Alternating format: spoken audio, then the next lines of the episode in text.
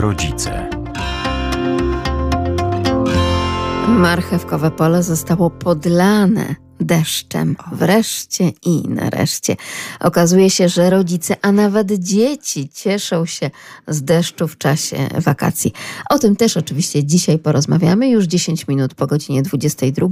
Dobry wieczór, mówimy Państwu. Nasza ekipa radiowa dokłaniająca się Państwu sprzed mikrofonu Magdalena Lipiec-Jaremek, a także Jarosław Gołowit, który ten program zrealizuje. W studiu już do Państwa uśmiecha się Marta Danka-Weszyńska. Dobry wieczór. Dobry wieczór. Wyznania matkiwariatki.pl i łączymy się także z Pauliną Zagojską-Ziębą, która w ferworze pakowania walizek czy plecaków na obóz i na wyjazdy kolonijne dla dzieci. Dobry wieczór, Paulino. Dobry wieczór. Zarówno walizek, jak i plecaków. bo pamiętam, jak, bo pamiętam właśnie, jak tak kilka lat temu rozmawiałyśmy o tym, że dzieci teraz to wyjeżdżają niekoniecznie z plecakiem na plecach, tak? Na jakieś wyjazdy, tylko walizkę w rączkach i tak, tak, tak, tak, tak, tak, tak, tak, tak ciągniemy sobie za rączkę tymi kółeczkami. Zdecydowanie, e, zdecydowanie jeszcze nawet dość duże walizki bywają za małe do tego, żeby pomieścić wszystko, co chcą ze sobą zabrać. A jak dokonujesz takiego pakowania? Czy najpierw sprawdzasz z taką listą przekazaną od organizatorów, e, a później jeszcze weryfikujesz to z tym, e, jakie tak naprawdę kreacje dzieci chcą tam mieć? Generalnie u nas w domu listę y, rzeczy do spakowania przygotowują dziewczyny, same pakują swoje rzeczy, a później y, ewentualnie proszą, czy potrzebują sprawdzenia y, tego, co jest w walizce. Jeśli tak, to po prostu to jeszcze razem przeglądamy i coś zmieniamy, jeśli jest taka potrzeba. I liczymy, Ale tak? Trochę tego było. O tak, zdecydowanie też. Bo to tak. najważniejsza jest kwestia obliczenia, prawda? Y, odpowiednia ilość koszulek, shortów, y, no ewentualnie spódnic, chociaż to raczej w wakacje y, i u dziewczynek nawet się nie sprawdza. No i oczywiście tej bielizny słynnej, tak? I to jest tak, jak na 7 dni wyjazdu to jest 7 par bielizny plus 2 w zapasie, czy może 7 plus 7 w zapasie? Ja widzę, że u wszystkich jest taki raczej standard. 7 plus 2 w zapasie, albo jeśli jest 10 dni, to 10 plus, plus 2 w zapasie. Także tak, mniej więcej tego typu obliczenia mamy dzisiaj już cały dzień. E, nad nimi ślęczałyśmy, ale udało nam się to zakończyć, ten proceder. To nie są już pierwsze wyjazdy dzieci? Nie, ale tym razem dziewczyny po zeszłorocznym wyjeździe harcerskim, na którym dość mocno przeżyły atak mrówek na ich namiot, stwierdziły, że nie chcą wyjeżdżać na obóz, że potrzebują odpoczynku od obozu harcerskiego, więc w tym roku jadą po prostu na, e, na, na inny obóz, ale e, i dłuższy przede wszystkim. E, ale myślę, że podobnie ciekawy. Czyli już takie bardziej cywilizowane warunki, a nie e, ten namiot w lesie, tak? Tak, o tak, namiot był w zeszłym roku hitem po prostu całych wakacji. E, I Czyli nie komary, komary, nie kleszcze, tak? Komary też, Aha. mrówki i komary to były te owady, z którymi musiały się bardzo zaprzyjaźnić. E, dlatego rzeczywiście w tym roku jakoś od początku mówiły, że, że nie, że wakacje nie chcą, że wolałyby jednak pojechać gdzieś indziej i mieszkać e, w jakimś tam hostelu czy w jakimś pensjonacie. Także tak, taką decyzję podjęliśmy. Zobaczymy, jak będzie po powrocie. Czy nie będą jednak trochę żałować, ale może nie. Czyli jednak cywilizacja, ale ciągle mówisz w liczbie mnogiej, to znaczy, że siostry jadą razem, tak? Tak, jadą dwie najstarsze moje córki yy, wspólnie na obóz. Myślę, że byłoby im trudno pojechać e, w pojedynkę na jakieś wybrane e, dwa obozy przez siebie, bo jakoś taka się tęsknota już dzisiaj włączyła, łzy w ogóle. Trudno im gdzieś pozbierać się teraz wieczorem, nawet jeszcze nie śpią. A o której zbiórka? I, o ósmej, więc też dość cywilizowanie, także jeszcze mają czas. Rozumiem, czyli nie szósta rano przy autokarze. Nie, nie, tak, nie, nie, no właśnie, na szczęście nie. To jest tak, bardzo to ciekawe, jest... o czym tutaj teraz zaczęłyśmy rozmawiać, czyli czego tak naprawdę nasze dzieci potrzebują w wakacje, bo wydaje się, że my mhm. rodzice no, próbujemy, tak jak i chociażby w ciągu roku szkolnego, organizując różnego rodzaju warsztaty, spotkania, um, jakieś hobby, prawda, od poniedziałku do piątku mhm. i realizację tego, tak też próbujemy um, zaplanować wakacje i często się zdarza, że nie dajemy tym dzieciom tak naprawdę prawdziwego oddechu wakacyjnego odpoczynku. E, mhm. A tutaj, tak jak słyszę, to były rozmowy wasze, czyli rodziców, jak rozumiem, całej rodziny także, z dziećmi, czego tak naprawdę oczekują, czego potrzebują, jaki to ma być chociażby ten wyjazd. Dużo o tym rozmawialiśmy. U nas jest specyficzna też sytuacja, bo w tym roku nie możemy pojechać wspólnie w góry. E, więc dużo, e, długo zastanawialiśmy się i dużo rozmawialiśmy o tym, gdzie pojechać i czy na pewno my jesteśmy w stanie z moim mężem wytrwać nad morzem przez e, ten tydzień naszego wspólnego rodzinnego urlopu, więc tak zaplanowaliśmy i dziewczyny bardzo nas o to prosiły już od kilku lat. Natomiast w momencie, kiedy zostały poinformowane, że już zarezerwowaliśmy świetny domek, że będziemy mogli chodzić na długie spacery, bo jest w takim miejscu, gdzie wszędzie w zasadzie blisko, ale najlepiej na piechotę, e, to zaczęły się zastanawiać, ale jak to wakacje bez gór? No nie może być tak, że mamy wakacje i nie pojedziemy w góry. Więc e, właśnie po długich namysłach też stwierdziły, że w sumie one wolałyby jednak nie jechać na obóz harcerski, a może pojechałyby na jakiś obóz w góry. E, także będą miały i morze, i góry w tym roku, i, i tak to u nas w rozmowach gdzieś tam się poukładało. No słyszę, że ktoś tam cię jeszcze wzywa, droga mamo, gdzieś tak, z głębi tak, no pokoju. No tak jak mówię, nikt nie śpi jeszcze, dlatego się zaszu, za, za, zamknęłam w małym pomieszczeniu, żeby móc e, kilka słów zamienić, ale jeszcze niestety nie śpią. To taka noc ostatnia przed obozem to chyba jest dość trudny czas dla dzieciaków jednak. I to jeszcze nie jest ta zielona noc, czyli ta ostatnia wyjazdowa, no tylko ta, ta tak. domowa ciągle Zderzenie jeszcze. smutku z, z tęsknotą i radością jednocześnie wyjazdu. Tak, i taki element stresu, prawda? Czy tak. wszystko spakowane, czy wszystko zabrane i tak dalej, i tak dalej. W takim mhm. razie oddajemy Cię, droga mamo, już tym obowiązkom jeszcze tulenia, lulania i dopinania tej walizki. Dziękujemy, że mogliśmy podpatrzeć niemalże radiowo, jak to się odbywa w Waszym domu. Wszystkiego dobrego. Dobrych wakacji dla dziewczyn. Dziękuję bardzo. Dziękuję, dobrej nocy. Dziękujemy bardzo. My oczywiście zostajemy i rozwijamy te wszystkie tematy, bo u Was też uszczuplona rodzina, Marto, prawda? Tak, u nas obecnie y, jesteśmy w trójkę, bo najstarsza pojechała pierwszy raz samodzielnie pociągiem do Gdańska. Z Lublina nie jest to krótka podróż. Na szczęście nie musiała jechać z Lublina, tylko miała farta, że tata jechał do Warszawy i wsadził ją w pociąg w Warszawie. Miał być bezpośredni. E, bezpośredni był no, do... Taki jest, e, tak? Tak, e, był bezpośredni z Warszawy Centralnej do Warszawy Wschodniej, bo się okazało, że jest popsuty i muszą się przesiąść do podstawionego nowego pociągu, który miał dopiero dojechać, więc było pełno stresu i podejrzewam, że ta podróż będzie zapamiętana do końca życia, jako ta Czyli pierwsza tak. z przygodami. Ja rozumiem, że przy samym wyjeździe, ależ tak, tak, kochana, tutaj siadasz, siedzisz, tu masz to swoje miejsce i w ogóle się niczym nie przejmuj, bo tak Siedzisz, jedziesz, tak. Tak, mniej więcej tyle, tyle godzin od o tej, o tej już To zacznie... była jej pierwsza taka samodzielna pociągiem podróż. Tak, i w sumie e, druga w tym w, w te wakacje, e, może tak, e, i druga po dobrych paru jak nie na stu latach, e, jak e, w ogóle sam, e, sam jechałyśmy pociągami, bo jakoś tak się złożyło, że w tym roku stwierdziłyśmy, że trzeba odkopać te podróże pociągowe i widziałam, jak jechałyśmy na weekend w czerwcu do Warszawy też właśnie pociągiem, to dla dziewczyn to była ogromna frajda i te pociągi w ogóle są zupełnie inne niż te, które ja jeszcze pamiętam. To są naprawdę czyste, luksusowe pociągi, którymi no, no, to jest w ogóle zupełnie inny komfort już e, jazdy. I mi się bardzo podobało. Jeszcze miałyśmy sto, stolik między sobą, takie miejsca dla czterech osób, to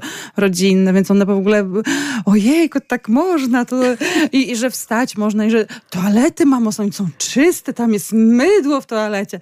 A w naszych czasach w ogóle do toalety to mm, nie. Ciężko się było dostać też. Żeby się dostać, to tam, e, ale w ogóle, żeby mydło było albo papier toaletowy, to tam lepiej było wstrzymać albo nie pić przez te 7-8 godzin podróży. Czyli podróże kształcą, tak? Otwierają na nowe tak. możliwości. E, u nas wy, wyszło to bardzo spontanicznie i bardzo szybko, więc y, też nie miała za dużo czasu, żeby się zacząć stresować, e, denerwować, za dużo się zastanawiać, bo to było tak, że jednego wieczoru rozmawiałam z siostrą, no i mm, stwierdziłyśmy, że one do nas teraz nie mogą ze względu na egzaminy ósmych klas, na czekanie na wyników, na potem na te papiery e, do, do liceów, do szkół średnich. No i e, siostra właśnie powiedziała, że Ej, to wyrzuć e, Zuśkę, albo wy przyje, przyjedźcie. Ja mówię, że my nie możemy, bo e, Martyna zaczyna półkolonie. A no to wyrzuć e, Zuśkę do pociągu. A my wiesz co, poczekaj, spytam się Zuśki. E, ja mówię, Zuzia, chcesz jechać do e, Gdańska? Ona, tak, tak, to kiedy jedziemy? Ja mówię, nie, no sama jedziesz. Ale jak?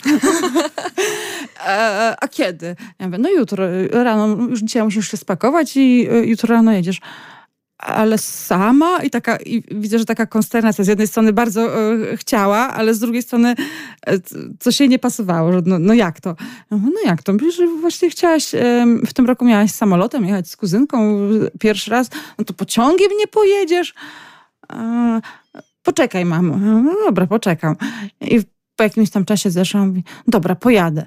Ale następnego dnia nic nie jadła, brzuch ją bolał, bardzo się stresowała. Ba chodziła, e, oczywiście e, dostała listę, co ma spakować i e, tylko się kłóciła o kurtkę przeciwdeszczową. Po co mi kurtka przeciwdeszczowa? Ja mówię, dziecko, to, że tutaj jest 30 parę stopni, o niekoniecznie. W Gdańsku będzie tyle. Nie, nie wiemy na ile ty jedziesz, więc y, musisz mieć każdą opcję spakowano. No dobra, e, ale po prostu e, jak rozmawialiśmy później już, jak jechała tym pociągiem, się pytałam, czy ona w ogóle coś zjadła, czy tata jej kupił w drodze do Warszawy coś, bo no po prostu nic nie jadła. Nie, nic nie jadłam, mam tak ściśnięty brzuch, że nie, że nie. Później się tylko ucieszyła, bo dostali e, poczęstunek przez to, że dojechali Pendolino i za to spóźnienie i za całą tą sytuację awaryjną, to jakiś poczęstunek w, w ramach przeprosin dostali, więc mamo, pyszny torcik dostałam, ale tylko pół zjadłam, bo tak mnie brzuch boli, że nie byłam w stanie. mówię, Boże, dziecko. Ale generalnie nawet przesiadki takie planowane są stresujące dla dorosłego no pasażera. Właśnie. A tutaj niespodziewana sytuacja. Ona awaryjna sama, nawet, tak, tak, dokładnie, awaryjna. Kwestia bezpieczeństwa również, no tak? A tutaj no jestem mm. z niej mega dumna. Czyli byłyście później już w ciągłym kontakcie takim telefonicznym z tą małą pasażerką? E, od czasu do czasu wysyłała mi zdjęcia, e, pokazywała na przykład jak przyjeżdżała przez most. Jeszcze nie, e, znaczy już stresując się, że będzie za chwilę musiała z tego pociągu wysiąść, bo się coś okazało. Ale o mamo, to jest ta plaża, gdzie grałyśmy w, w gumę na plaży nad Wisłą i, i jakieś takie sytuacje. O mamo, sarny były i też zdjęcie gdzieś tam. Pani mi pozwoliła usiąść obok okna i robię, mogę robić zdjęcia, więc więc jakieś tam od czasu do czasu zdjęcia mi wysyłała e, i wiedziała, że pani wysiada w Tczewie, więc jeszcze miała mieć trzy przystanki i dopiero ona miała wysiąść i mówiła, że pani już wysiada, to ja już się pakuję. Ja mówię, nie tak, no taki ten stres jest zawsze, prawda, tak, że, że już wysiadam. To dzieci też tak. I jeszcze kiedy jest tablica z wyświetlanymi no stacjami, właśnie, to też tak. od razu zerkają, ale czy to już, czy to już, już plecak nałożony na plecak? No, no. I, I, z tego, co Zuzia nam pisała, to też co chwilę, że no już, a ja mówię, jeszcze sobie usiąść nie musisz, e, siedzisz przy drzwiach blisko, to e, jak będziesz już w Gdańsku Głównym, no to wtedy możesz się już tam powoli zbierać, bo to już tak, to jest chwila już. No dobrze, dobrze. A ktoś po mnie w ogóle wyjdzie, bo ja nie wiem, gdzie mam dalej jechać. Przecież, e, ja mówię, ciocia już czeka, już nie bój wszystko się. Wszystko tak. E, od, od do jest, tylko ty masz siedzieć i po prostu dojechać od punktu do punktu. I dojechała i była naprawdę szczęśliwa, ale stresowała się dopiero tego następnego dnia, tego dnia, w którym miała jechać, bo tak to, to było takie zaskoczenie, że ale jak sama, no w sumie nie pomyślała chyba jeszcze do końca, że sama, bo sama, tylko że, że jedzie. Ale to jest naprawdę genialna historia, ale odwaga też y, rodziców. czy ja wiem, czy, znaczy może bardziej taty, bo mama jeździła jako młodsze dziecko już z młodszym rodzeństwem. Ja pamiętam swój, pier swój pierwszy raz w pociągu z moją młodszą siostrą, jak ja miałam 10 lat. Jechałam z Zielonej Góry do Gdańska do babci właśnie, więc i to nocnym pociągiem jeszcze pamiętam. I sami, tak? I same jechałyśmy. Też nas rodzice do Zielonej Góry przywieźli, wsadzili na pociąg, też tam konduktor miał nad nami pieczę, no ale jechałyśmy same. Jakoś ta, i nie było telefonów jeszcze właśnie, i nie było tego kontaktu takiego e, cały czas. Co na, pięć minut. Co pięć, dokładnie. Więc ja jakoś tak miałam, i ja tym bardziej w głowie miałam to, że ona y, miała z kuzynką właśnie lecieć pierwszy raz samolotami i te samoloty nie wyszły, bo zaczęło się dziać tak, jak się dzieje na tych lotniskach, więc z siostrą stwierdziłyśmy, że to nie jest najlepszy moment, żeby one e, po lotniskach międzynarodowych e, błądziły, czekały, nie wiadomo jakie tam zmiany bramek, nie bramek, żeby po prostu e, za dużo stresu, tym bardziej, że i jedna i druga dość długą przerwę w samolotach miały, więc to niekoniecznie było przylecą do nas całą rodziną, więc i tak się zobaczą, i tak się zobaczą. Ale tak stwierdziłam, że w sumie pociągiem, samolotem miała, a pociągiem nie, ale tatuś też tam się trochę stresował, więc e, podejrzewam, że bardziej e, to było mm, bardzo odważne dla taty, bo tata jeszcze ją musiał odstawić na ten pociąg. I to on był tym żegnającym bezpośrednio. No właśnie.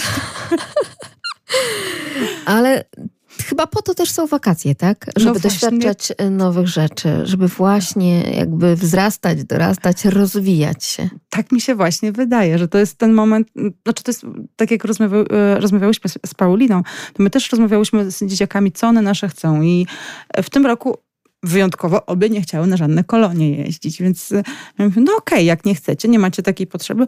Ja stwierdziłam, w sumie to nie lepiej, w sumie zaoszczędzimy trochę.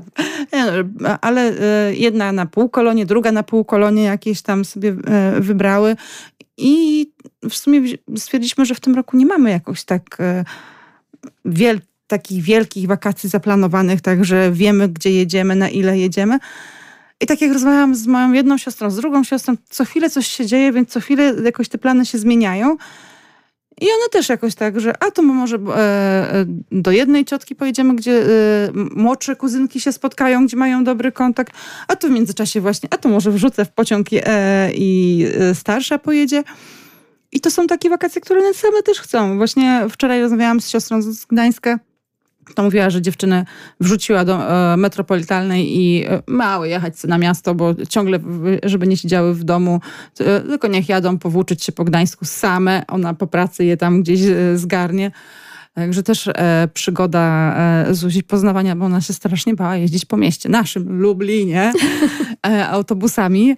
A tutaj taka przygoda, że z kuzynką jedzie do Gdańska i ma się powłóczyć po Gdańsku, więc taka była też co chwilę do mnie dzwoniła, że no jadą, a bo może... Dałyśmy radę. Da, jadą na shopping jakiś, gdzie czy mo, może używać mojej karty e, zniżkowej do księgarni. Mówię, spoko, możesz. Ja mówię, o, jak miło, dobrze, dobrze.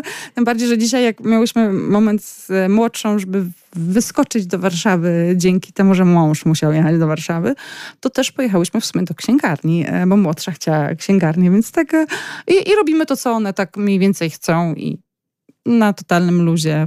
I to jest właśnie. Zupełnie inna rodzina niż kiedy poznawaliśmy Was tutaj na antenie Radia Lublin w audycji My Rodzice.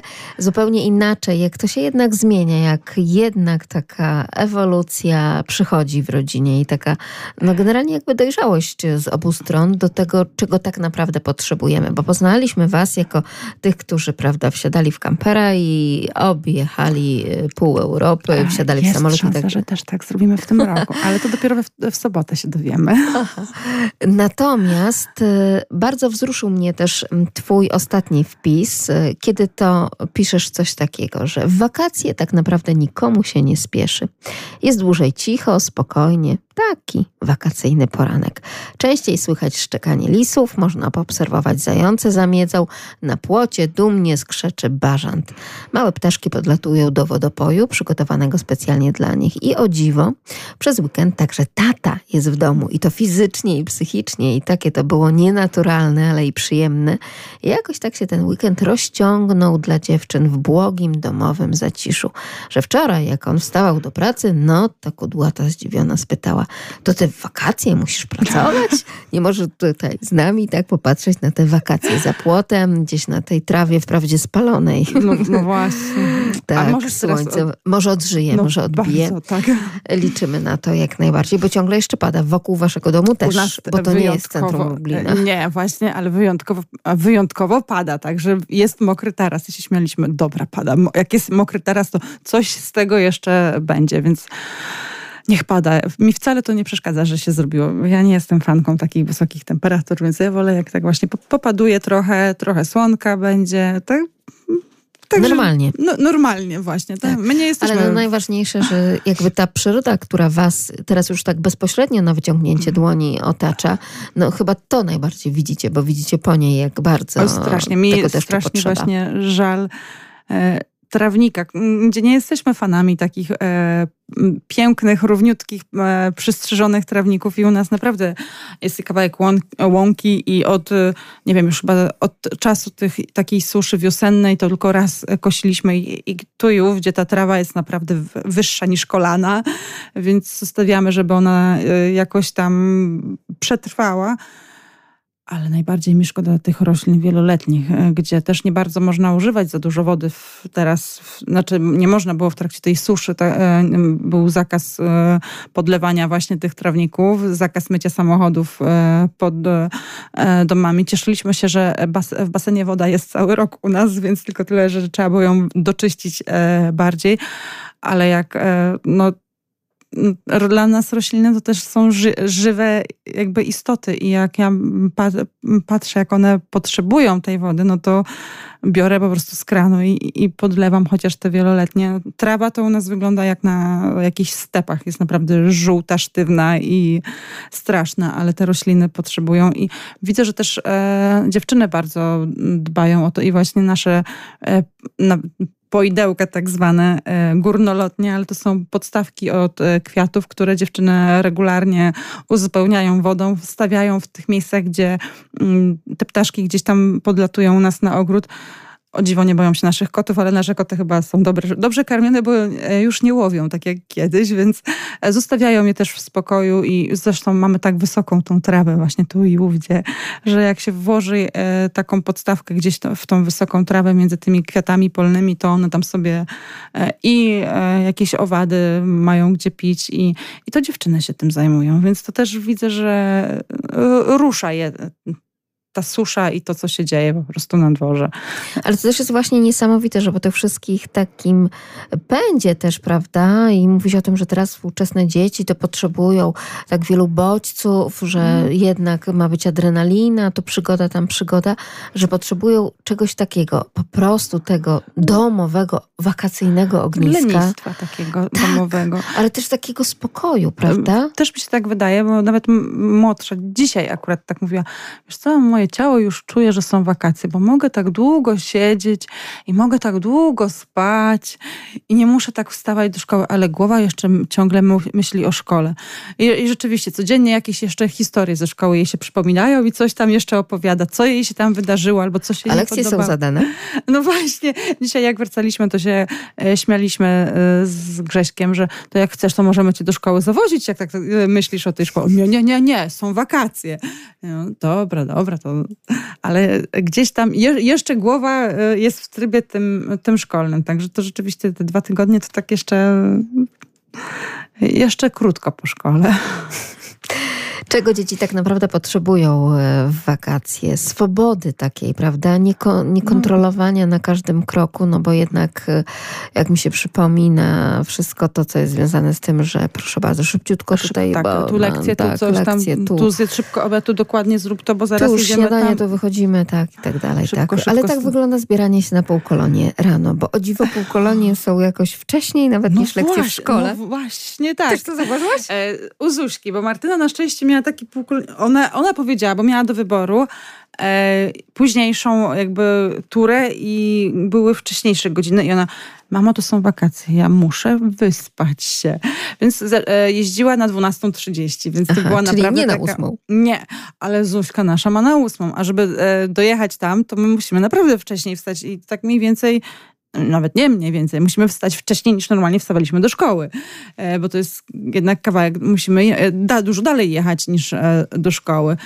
No to tak się śmiałam, że teraz miała półtora tygodnia z kuzynką i jak siostra mi mówiła, że one po prostu takie trole w pokoju w jaskini swojej siedziały tylko do 12 w nocy i potem do 12 spały, nim zeszły z tego pokoju. To takie się śmiałyśmy, że śmierdziuchy w tej jaskini swojej tam e, w piżamach na śniadanie, bo przecież gorąco to się nie będą przebierać. Dopiero jak może coś, to poszły na basen, trochę się pokąpały. Gdzieś tam jak się zrobiło z kolei chłodniej, to wieczorem na jakiś plac zabaw, żeby posiedzieć sobie i coś no to tak po takim długim siedzeniu i długim spaniu, jak będzie 8, 9 do 10 godzin na świeżym powietrzu, to też będzie odsypiała później po tych wakacjach. tak.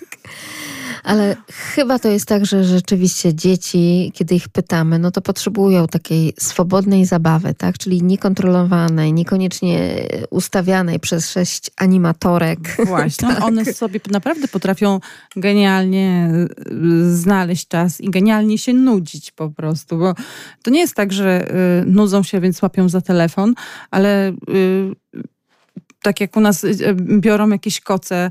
E, no, Martyna wymyśliła sobie nocowanie na trampolinie. E, chce e, zrobić z koców Zada, taki dach, zadaszenie namiotowe. Nie jakieś. dzisiejszej nocy. Nie, dzisiejszej nie, dzisiejszej nie. Ja myślę, że jutrzejszej chyba też jeszcze się nie da, ale, ale już planuje, już tam sprawdzała, które, na, które jakieś, jakiej wielkości koce będą potrzebne, ile poduszek. I ona sobie sama, ona nie pyta się, czy będzie, e, będziemy mogli. Ja mówię, tak, będziemy mogły. I czy może, te, e, czy może wyciągnąć koce? Wyciągaj koce. I po prostu e, nie potrzebuje może też już jest starsza, ale to każde dziecko ma taki, taki moment, gdzie po prostu samo, jak nawet jak rodzice się kręcą i nie wymagają niczego, to one potrafi naprawdę wynaleźć zabawę coś z niczego. Nawet jak ja zajmowałam się w ogródkiem, gdzieś tam plewieniem, to ona przychodziła od czasu do czasu, też gdzieś tam pomagała e, plewić, albo brała e, wiadro, zanosiła, żeby wyrzucić e, chwasty, albo właśnie sprawdzała w tym czasie, czy te wodopoje są pełne, mm, albo patrzyłyśmy, ile bażantów i czy są bardzo już utyte, czy nie są utyte. Bo się śmiejemy bardzo intensywnie, że ten rosół na jesień oj, chodzi nam się tuczy po ogródku, tuczy. E, także no, ma możliwość nudzenia się i nudzenia się w taki sposób, w jaki chce.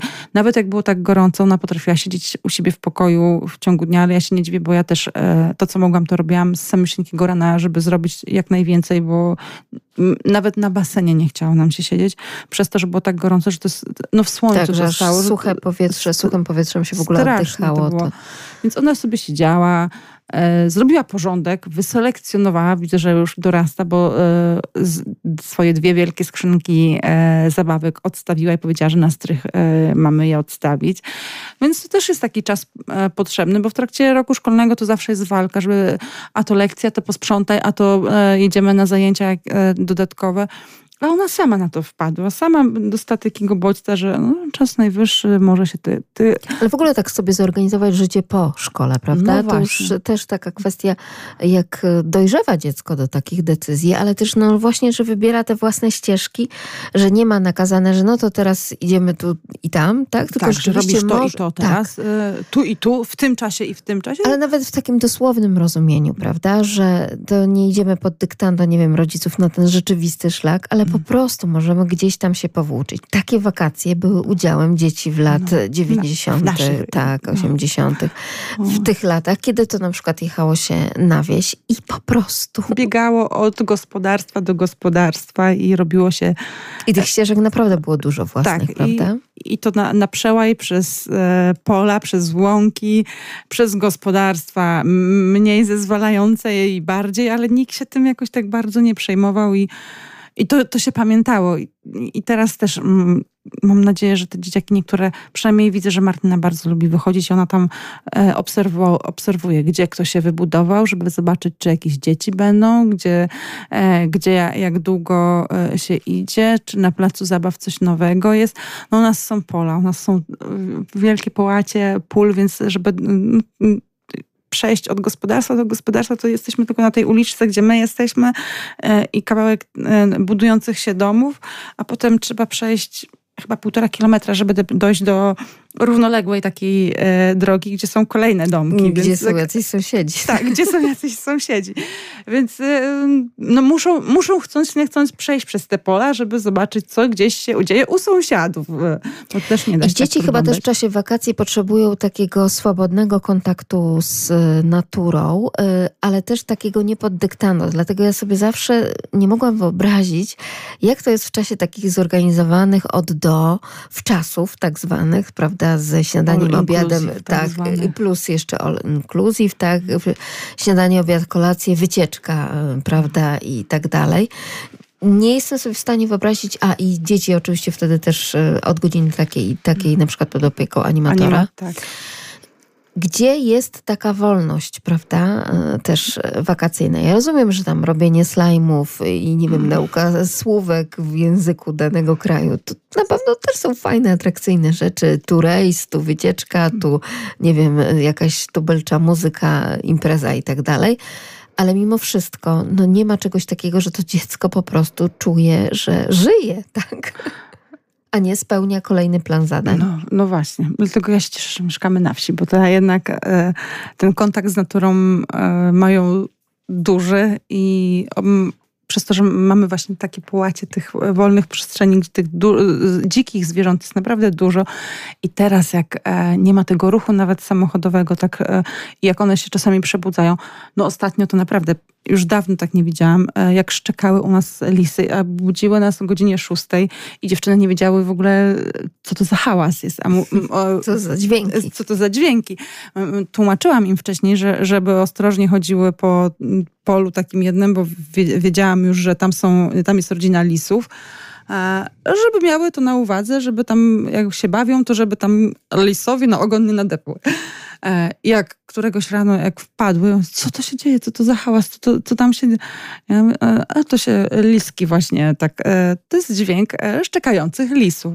No i jak wyjrzałyśmy przez okno, to lisów nie było widać, ale zające było widać, więc ja mówię, a to widzicie, tutaj może zające grają na nosie lisom, może gdzieś tutaj, albo jakieś młode zajączki zostały przełapane przez lisy.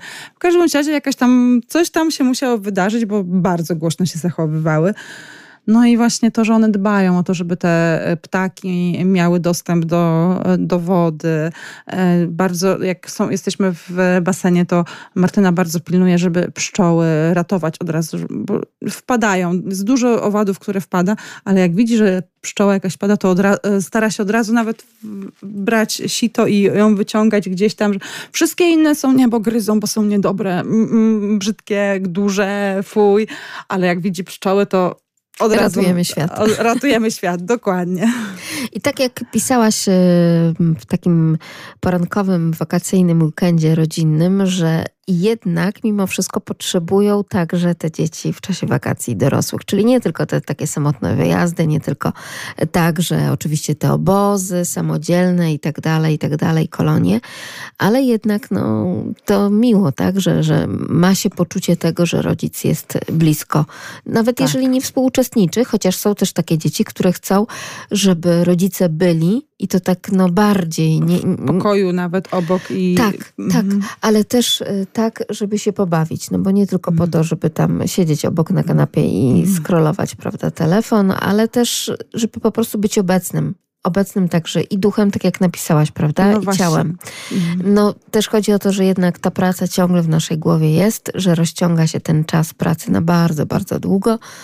Dużo godzin także po pracy w domu, znaczy po wyjściu z budynku. Tak, I tak jest praca jeszcze tak, później. Dokładnie. Tak, zwłaszcza u Grześka tak było, że przez ostatnie dwa miesiące to praktycznie go naprawdę w domu był gościem, tylko w, i to często w, późno w nocy albo nad ranem, gdzie wstawał brał świeże koszule, e, świeżą bieliznę i znowu go na jakiś czas nie było. E, I to szkoła, zakończenie roku też tak jakoś minęło bez niego wszystko.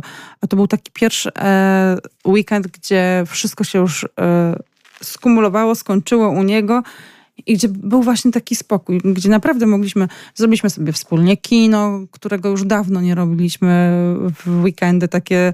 I tu na świeżym powietrzu właśnie wzięliśmy rzutnik na ścianę, więc tak e, dziewczyny też się cieszyły, że tak razem coś oglądamy, że wspólnie wybieramy, właśnie tak jak dawnym no bo dawnym, bo już naprawdę dawno nie oglądaliśmy w weekendy nic wspólnego, tylko każdy gdzieś tam, ja najczęściej dziewczyny szybko, szybko, bo do szkoły, albo ja bym chciała odespać, bo nie wiem, czy Grzysiek będzie, nie będzie, nie wiadomo. Więc, e, a to właśnie e, posiedziały u siebie w pokoju. Myśmy trochę posiedzieli też, poskrolowaliśmy właśnie też e, te telefony. Ja zdążyłam poczytać książki, Grzysiek sobie tam posprawdzał takie właśnie pierdoły telefoniczne, na które nie miał czasu, ale wieczorem też mogliśmy razem pograć. E, wyciągnęliśmy nasze ogrodowe zabawki jak e, frisbee czy babingtona, więc e, o proszę. wróciły takie rzeczy i tak właśnie jakoś tak to i to wszystko było takie, że a chcę, chcę, chcę komuś się chce pograć babingtona, bo ja, ja bym pograła.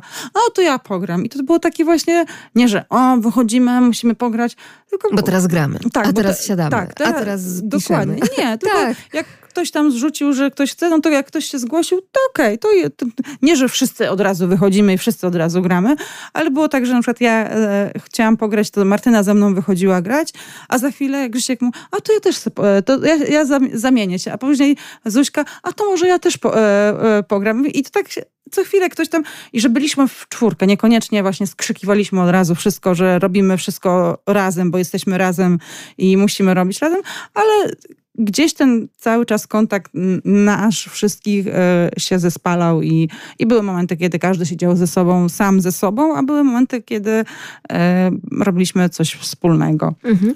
Ale tak jak mówiłaś o tym, że nawet teraz Martynka e, tak się rozgląda, patrzy, czy gdzieś w okolicy nie pojawiał się dzieci. Rzeczywiście dziecko także w czasie wakacji potrzebuje relacji z innymi dziećmi. I tutaj uwaga, to nie tylko, że poznaje nowe osoby na obozie i to też jest bardzo wartościowe, no bo to jest kolejny taki etap socjalizacji z zupełnie inną grupą niż tak. znana dotychczas, ale też potrzebuje naprawdę być razem, także i z rodzeństwem, prawda? Tak. Z siostrą, to jest w ogóle też niesamowite, bo przecież każdy z nas trochę inaczej jednak się na urlopie zachowuje. I to jest widać. To jest na przykład bardzo widać po zestresowanych rodzicach, kiedy im na kolejny już tam dzień urlopu te nerwy jednak puszczają, kiedy ten telefon przestaje służbowy dzwonić, kiedy już nie ma tych zawiadomień o kolejnych mailach i tak dalej, i tak dalej. I można no po prostu tak, nie wiem, pełną buzią się uśmiechnąć do dzieci, y, bawić się razem z nimi, nie wiem, ganiać, tak, podszczypywać i tak dalej. Dokładnie. E, dzieciaki i też jest ważne to, jeżeli e, w obecnych też czasach zauważyłam, kontakt z rówieśnikami z klasy który y, w trakcie wakacji bardzo często znika, bo te dzieci teraz y, właśnie nie mieszkają na jednym osiedlu albo gdzieś tak. tam w okolicy, tylko one są rozsiane po, po całym, całym mieście, mieście, albo nawet mhm. za miastem, tak jak w naszym przypadku jest dosyć dużo rodzin, które mieszka e, gdzieś tam po wioskach właśnie ościennych. E, I widzę, i Martyna właśnie ostatnio też, ona mówi, mamo, bo ja się umówiłam z Jadzią, że Jadzia do nas przyjedzie. No okej, okay, nie ma problemu, powiedz kiedy. A czy może jutro, bo y, byśmy jutro, bo ona dzisiaj nie może. Ja mówię, dobra, tylko następnym razem po prostu daj mi dzień wcześniej, żebym ja też... Żebym się ja mogła przygotować. No, tak. no właśnie, nie, bo ja miałam, musiałam jechać do miasta, y, miałam jakieś rzeczy, żebym wiedziała, że w tym czasie będą jakieś dzieci, ale y, widzę, że ona też chce. Albo jak idziemy do miasta, to koniecznie musimy jechać na plac, zobaczyć, czy jego, jej kumpla nie ma gdzieś tam u taty na przykład w pracy, bo tylko powie cześć, że i pamięta. Nie, nie, nie, tylko tyle, że przez telefon sobie tam od czasu do czasu rozmawiają, ale jak jesteśmy gdzieś w kogoś w pobliżu, to też chcę mieć ten kontakt. I ja właśnie ostatnio tak myślałam, że nie dość, że z, e, z siostrą zupełnie inaczej też się bawią, bo tak jak w ciągu roku to kłócą się drzwi trzaskają, e, starsza jest starsza i to jest jej terytorium, nie, nie wchodź, nie przeszkadzaj, wynoś się i Bo w ogóle... Szczekam. Tak, a teraz e, i potrafią się właśnie razem pobawić i pójdą na trampolinę razem, albo jedna drugą namawia, bo o, samemu wejść do basenu tak nudno, więc jedna z drugą sobie tam gdzieś albo właśnie pograją razem w Babingtona, albo gdzieś tam na rowery sobie razem pójdą. W międzyczasie się oczywiście pokłócą, nie raz i nie dwa, ale gdzieś gdzieś tam ten kontakt jest zupełnie też inny niż właśnie w czasie roku szkolnego. Też to zauważyłam, tak. To Taki zupełnie swobod, swobodniejszy. Nawet jak się pokłócą, to jakoś szybciej do tego wracają e, spokoju e, i więcej takich relacji, takich pozytywnych e, w trakcie wakacji, przynajmniej ja widzę. A oprócz tego właśnie ten kontakt z rówieśnikami z klasy, ze, ze zwykłej klasy, że nie, nie tylko no jednak klasa to jest pewna wspólnota, tak? tak? Tam się razem tyle rzeczy przeżyło, no właśnie, prawda? Tak, I, jest, i są plany na Nikt inny cię tak nie zrozumie, jak kolega czy koleżanka z klasy. dokładnie tak. Tym bardziej, że to, to oni idą do starszej klasy. E, Martyna teraz idzie do czwartej klasy, więc są takie nowości i oni tam no to tak jest bardzo... o czym rozmawiać. Oni to bardzo przeżywają. I jeszcze nie skończyli trzeciej klasy, a oni już e, się zastanawiają, zastanawiali, co to będzie w czwartej klasie. I dlatego jak ona codziennie coś tam mówi, to ona nawiązuje, że no bo ona nie wie, bo oni z matematyki, oni ułamki zaczynali, ale to było tylko kilka takich półgodzinnych już lekcji, mamo, bo ona się strasznie stresuje. Mówię, dziecko, wakacje zaczęłaś, ty się nie stresuj teraz matematyką. Matematyka będzie od września, a teraz po prostu ciesz się. I, i tak rozmawiają. I jak czasami jak e, rozmawia przez telefon z jakąś koleżanką z klasy albo z kolegą, to, to słyszę, że mają te dylematy takie szkolne, nie takie byle jak, tylko takie poważne poważne, oni się strasznie stresują. Proszę, już myślą o no, ułamkach. No, no, właśnie. A nie takie, że Zosia Kubie, Kuba Zosi no, i tak dalej. Co, co to tam się dzieje? Także ja nie wiem co tam pani ich nastraszyła, czy po prostu tak bardzo ambitnie podeszli. Nie, to jest czy... też kwestia odpowiedzialności pewnie. Albo no właśnie. Już że, tak myślał o tym. Ja mówię, dziecku, wakacje są, myślcie o wakacje. No i jak e, koleżanka przyjechała, to teraz się umówiło, że na przyszły tydzień ona jedzie do koleżanki. Ja mówię, nie ma problemu, ja z mamą jestem kon w kontakcie. Jak chcecie, będziemy was wozić, bo nikt nigdzie, mało kto gdzieś wyjeżdża, zwłaszcza my akurat w naszym otoczeniu w lipcu jesteśmy tak bardzo y, flexi właśnie. Także, a jak coś wpadnie, to jak komuś coś przyjdzie do głowy, czy dziewczyny właśnie będą chciały, czy gdzieś tam między kuzynostwem. Wiemy, że pod koniec tego e, miesiąca to się spotkamy z jedną kuzynką. Gdzieś w międzyczasie jedna kuzynka przyjedzie do nas, więc to takie jest e, bardzo romane. No wakacje takie bardziej nie wiem, jakie będą w sierpniu, bo mnie nie będzie przez dwa tygodnie, więc nie wiem, co tatuś wymyśli. Jaki zorganizuje dzieciom czas. A może tak... pozwoli na nic nie robienie. A to taki... na pewno. bo takie nic nie robienie w wakacje, czyli taka ta nuda, o której mówiłaś, to jest przecież coś kreatywnego i coś, co naprawdę pozwala po pierwsze odpocząć, po drugie zebrać myśli, po trzecie no właśnie wymyśleć, jaka ta ścieżka w przyszłości mogłaby być, prawda? Tak. Co moglibyśmy mogliśmy zrobić? Czy nawet ta reorganizacja półki, o której mówiłaś, tak? Czy całej szafy, czy regału. Całego pokoju to jest przecież nawet. bardzo ważne mhm. w takim generalnie rozwoju e, człowieka, prawda? No właśnie, bo to e, e, u Martyny to teraz zaczęło się w ogóle remont pokoju. Takiej się śmiałam, bo ona jakieś tam ledy wygrzebała, które kiedyś dostała, ale jeszcze ich nie, tata jej nie podłączył, więc sama zaczęła tam na taśmę klejącą sobie przyklejać do ściany. Ja mówię, o Grzesiek, będziesz chyba jednak miał co robić w weekend, żeby jej pomóc. Ale rzeczywiście, jak podejrzewam, że jak mnie nie będzie, to one będą miały bardzo nic nie robienia, bo tata będzie musiał jeździć jednak do pracy, więc one będą siedziały gdzieś tam przez jakiś czas e, same. E, I to będzie ten czas w trakcie wakacji, gdzie też podejrzewam, że będzie trochę więcej możliwości tych komputerowych e, jednak, bo, ale z drugiej strony, no Grzesiek jak pierwszego dnia miał po tych dwóch miesiącach takiej naprawdę Wielkiej Charówy te, też wziął za telefon swój prywatny, żeby sobie poprzyglądać, pogadać z ludźmi tak prywatnie i, i siedział chyba ze dwie godziny i, i po prostu nie było go, bo on o, bo z no też odstresować się. Też tak, się od... Ja wiem o co ci chodzi, żebyśmy nie byli hipokrytami. Właśnie. Jako dorośli. Sami siedzimy. że a... szlaban na wszystko. A tak. Tutaj... Tym bardziej, że widzę naprawdę, że dziewczyny, zwłaszcza Zuzia akurat. Mają równowagę pomiędzy przyrodą, przebywaniem na dworze. To raz, a dwa, Zuzia dużo czerpie kreatywnych lekcji. Sama sobie wyszukuje, bo ona fantastycznie e, wzięła się za rysowanie, malowanie i coraz bardziej myśli o e, architekturze i ona po prostu wyszukuje. Dostała e, od dziadków dodatkowy sprzęt do komputera, ale taki, który profesjonalnie, graficznie. tak, graficznie jej ćwiczyć dalej to i widzę, że jak ona ma odpalone, to ona na jednym ma jakiś tam tutoriale, żeby ćwiczyć, i, a tutaj e, ta ręka pracuje i, albo na kartkach, bo bardzo dużo e, szkicowników, jakiś tam teraz też e, dziadek jej przysłał, e, jakiś tam nie wiedzieliśmy o tym, że zrobił jej zamówienie na e, życzenie wnuczki, właśnie jakichś specjalnych ołówków, e, jakichś tam tysiące akcesorii, więc czeka to na nią, bo jej obecnie nie ma, ale ona idzie w taką stronę i ona potrafi siedzieć w tym pokoju. Wydaje się, że przy biurku, że ma odpalone właśnie, e, ale później przychodzi z tymi rysunkami, z jakimiś tam swoimi projektami i to jest naprawdę e, bardzo fajne, więc ja się czasami wściekam, że ona siedzi przy tym komputerze, bo siedzi taka zgarbiona i zmęczona, ale wiem, że to ją pochłania i ona ćwiczy, bo ona, na, jak dziadkowie ostatnio u nas byli, to nawet pokazywała swoje notatniki, e, szkicowniki, e, jak zaczęła, jak e, coś tam ćwiczyła, jak, jakieś tam elementy jak teraz to rysuje, to jakie postępy w tym czasie robi. To jest po prostu niesamowite. No a Martyna z kolei bardzo lubi filmy. Więc wiem, że od czasu do czasu no, nawet w ciągu dnia, zwłaszcza jak są te upały, no to, to co mają dzieciaki zrobić? Jak ja sama po prostu książkę, to bym najchętniej na wieszakach, żeby nie, nie ruszać w ogóle rękoma. żeby się kartki same przerzucały. Żeby się najlepiej kartki same e, właśnie przerzucały. I siedziałabym i, i tylko czytała, żeby się nie, nie pocić, nie robić nic, bo się nie da, po prostu się nie chce. Więc dlaczego zabronić też tego dzieciom. Ale padło to hasło książka. Tutaj te tradycje jednak przenoszone z tego, jak widzę u ciebie e, z książką w dłoni, czytającą i to bardzo często i o różnych porach dnia, no to się przełożyło na to, że twoje dzieci w wakacje też nie uciekają od książki. Nie, na szczęście nie. Wprawdzie to jest zupełnie nie moja bajka, którą one czy...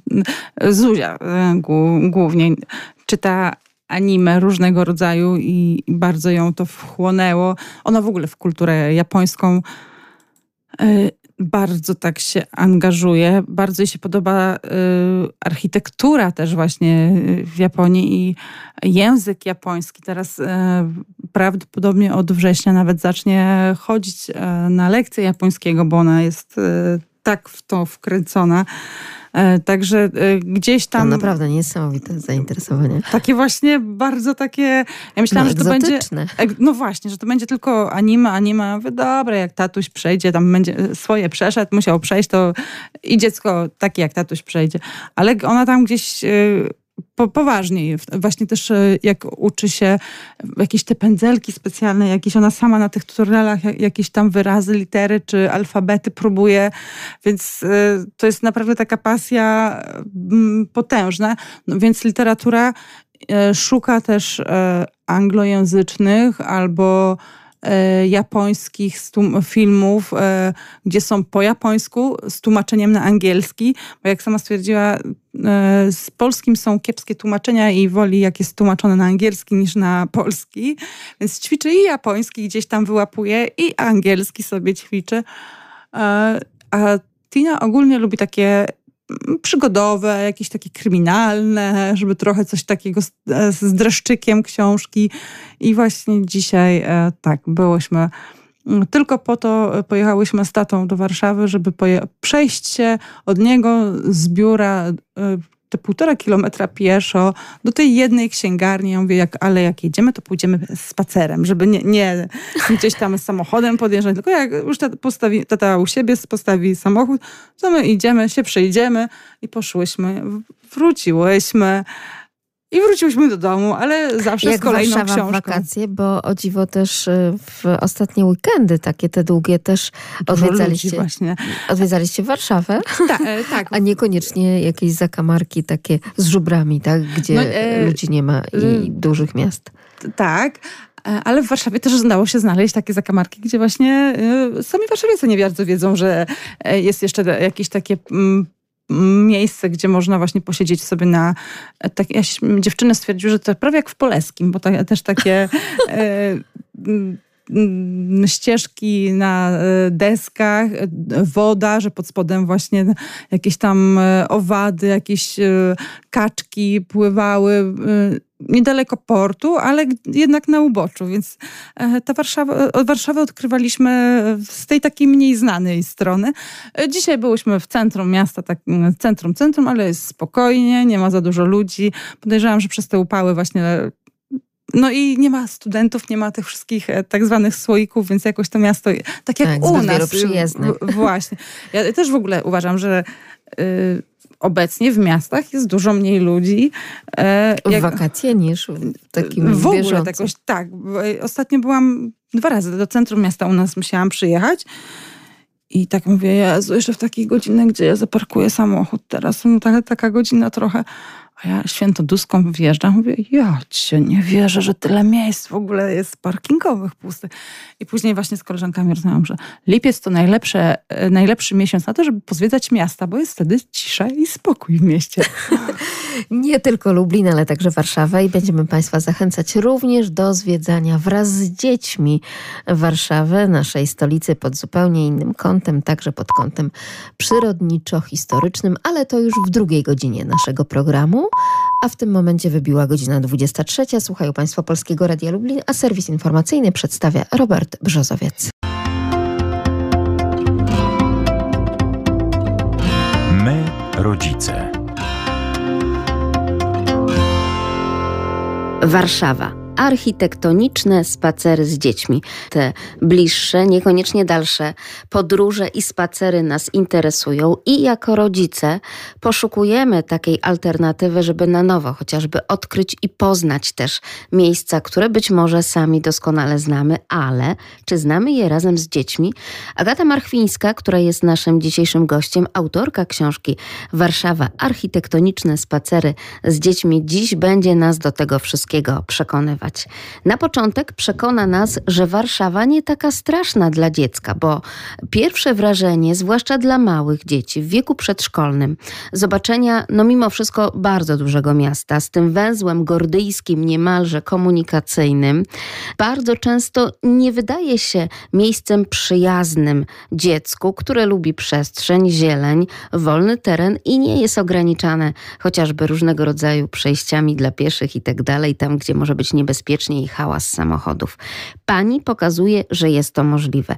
Warszawa może być dla dziecka, także pod względem zwiedzania architektury. Pani Agato? Tak, jak najbardziej. Ja zresztą rozumiem takie mm, spojrzenie na Warszawę, ponieważ zanim y, urodziłam dzieci, zanim tutaj przeprowadziłam się do centrum miasta, y, to miałam takie samo wyobrażenie, że to jest jednak miejsce nie dla rodzin, że na pewno nie ma tutaj miejsc interesujących dla maluchów, że mm, jednak ten pęd miasta i, i y, no, tak odbiegający od, od takiej standardowego wyobrażenia, gdzie mogłyby się wychowywać swobodnie dzieci, prawda? A jednak y, kiedy urodziłam moje trzy córki, to zrozumiałam, że naprawdę Warszawa jest bardzo przyjazna y, rodzinom z dziećmi. Właściwie w, w wielu parkach są place zabaw, przy wielu y, miejscach zabytkowych.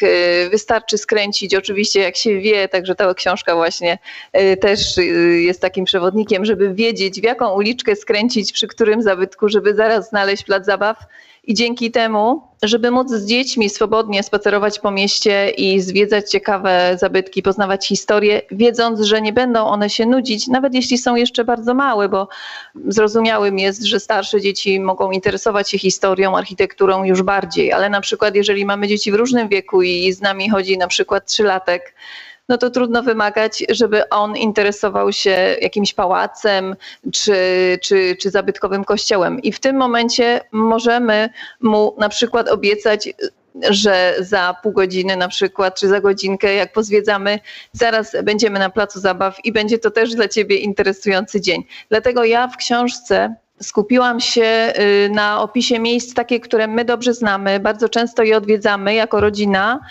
i wiemy, że zaraz niedaleko są miejsca interesujące dla dzieci. Właśnie, żeby to y, umiejętnie pogodzić, po prostu spacerowanie po mieście śladami y, ciekawej historii architektury, ale żeby dzień też był ciekawy nawet dla maluszków, tak? bo one mogą być przecież znużone zwiedzaniem kolejnego zabytku czy muzeum, prawda? Dlatego w książce zresztą mapki, które znajdują się w każdym rozdziale, które rysowałam własnoręcznie, Y, zaznaczyłam y, ulicę i w którym miejscu jest na przykład plac zabaw, tak? Żeby w tym momencie, kiedy będziemy zwiedzać, czy ktoś, kto y, sięgnie po moją książkę, i zainteresuje się jakimś placem czy budynkiem, który chciałby zwiedzić, żeby wiedział, w którym miejscu jest na przykład plac zabaw, ponieważ często są to miejsca dla osób, które nie bywają w jakiejś okolicy, nieznane, ponieważ ja sama nie wiedziałam, dopóki nie urodziłam dzieci, gdzie są pochowane różne place zabaw. Także to jest dla, taka wiedza dla rodziców tajemniczonych, którzy przebywają w tych miejscach często.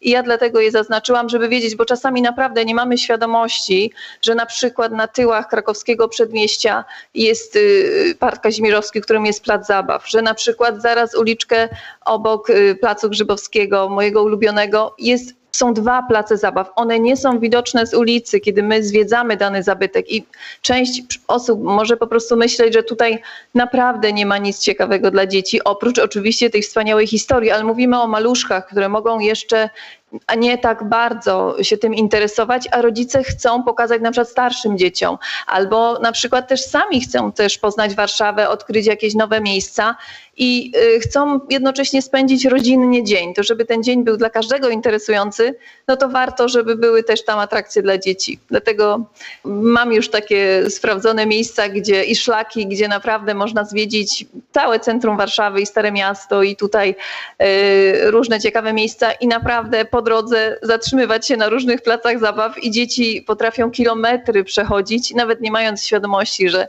że tak długo idą. Także to jest ta książka właśnie dla, dla rodziców i dla tych też, którzy może nie postrzegali Warszawy właśnie w ten sposób. Także to jest taki, taki, taki mój, e, że tak powiem, zachęta do nie zostawiania dzieci w domu albo na przykład u cioci czy u dziadków, bo idziemy zwiedzać, tylko żeby właśnie je zabierać, bo rodzice mogą się obawiać, że dzieci będą się nudzić, a to jest nieprawdą, ponieważ naprawdę Warszawa jest bardzo przyjazna dzieciom.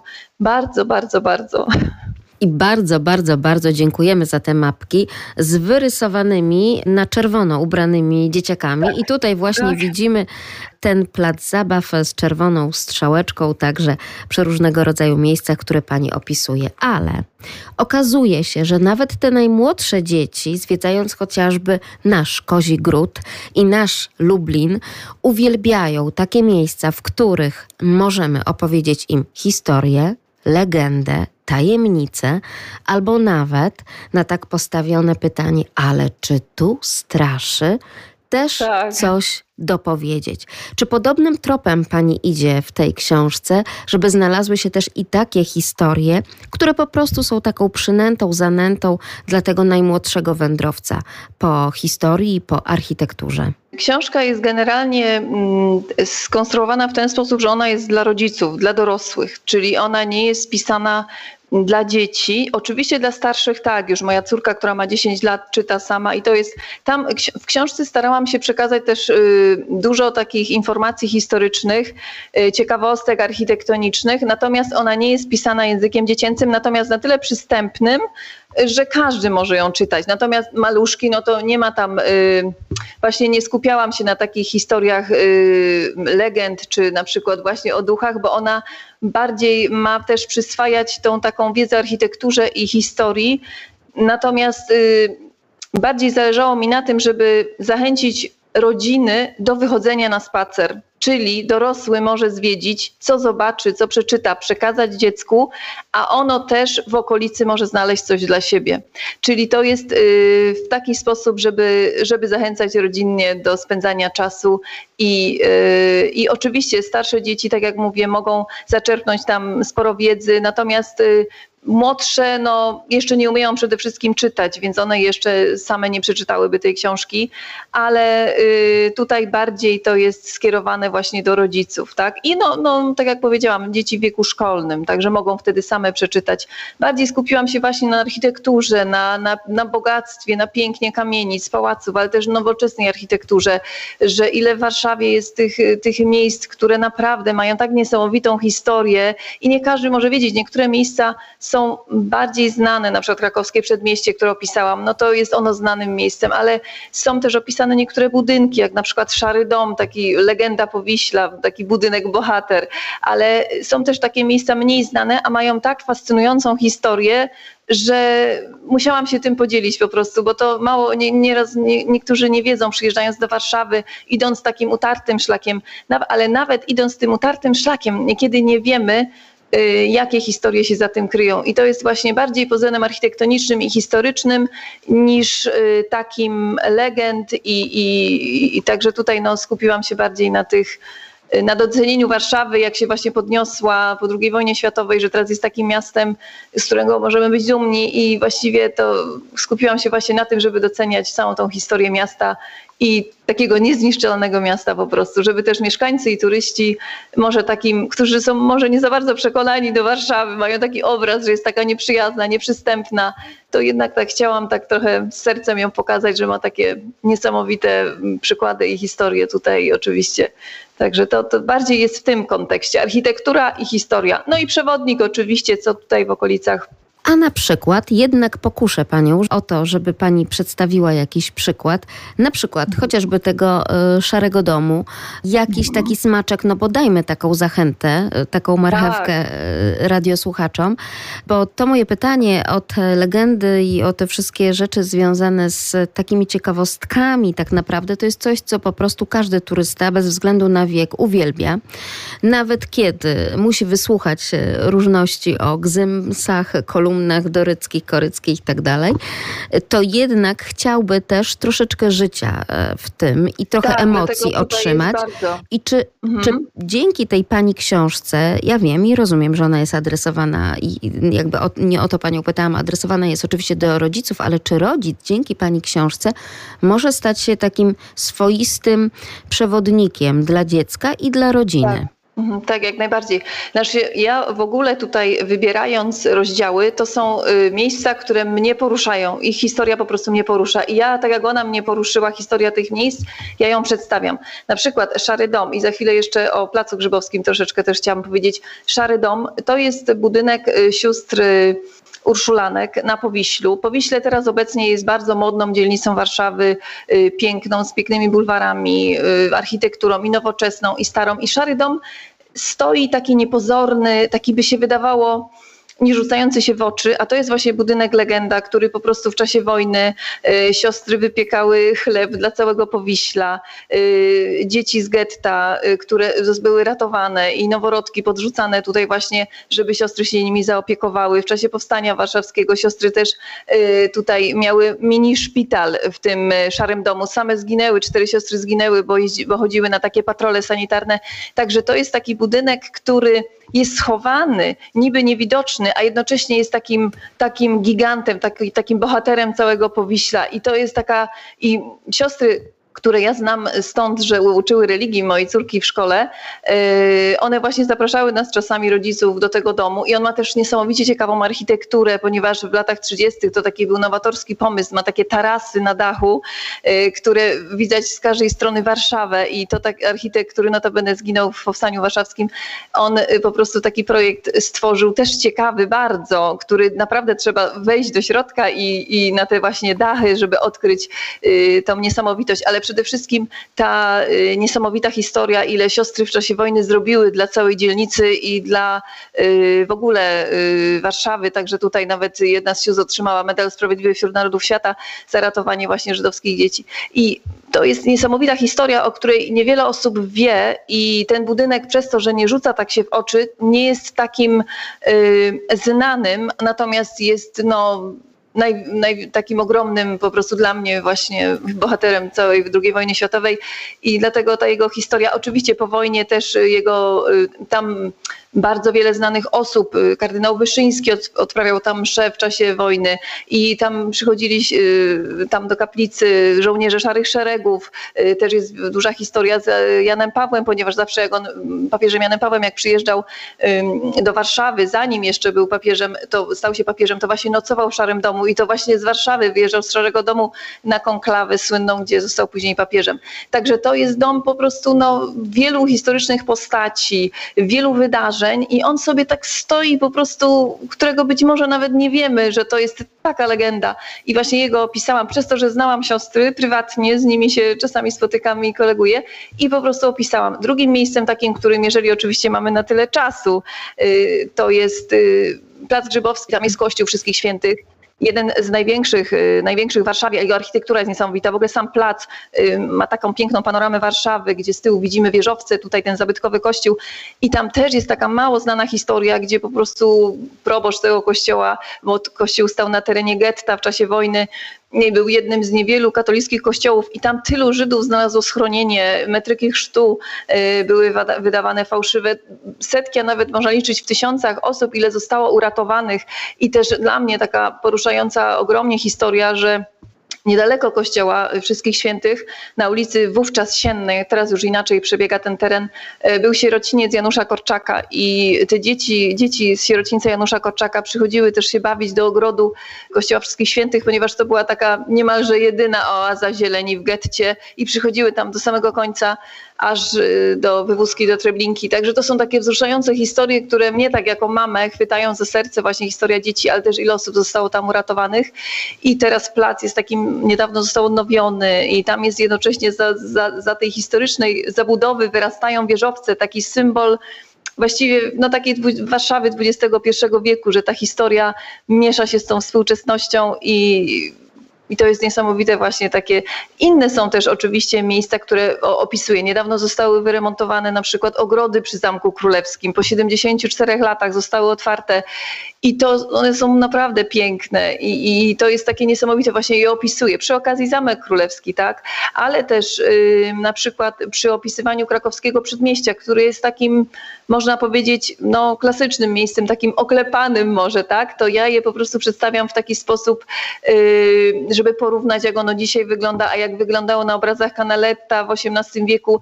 Yy, i też jest y, mm, informacja śladami Chopina, ponieważ krakowskie Żudniesie to jest ulica Chopina, on tutaj mieszkał w jednej z kamienic, udawał swoje pierwsze koncerty w kościele Wizytę i Karmelitek też y, grał. Także to jest może młodsze pokolenie utożsamia Chopina z taką osobą nieosiągalną, taką odległą, wielki kompozytor, a on mieszkał w Warszawie od pierwszego roku życia do dwudziestego.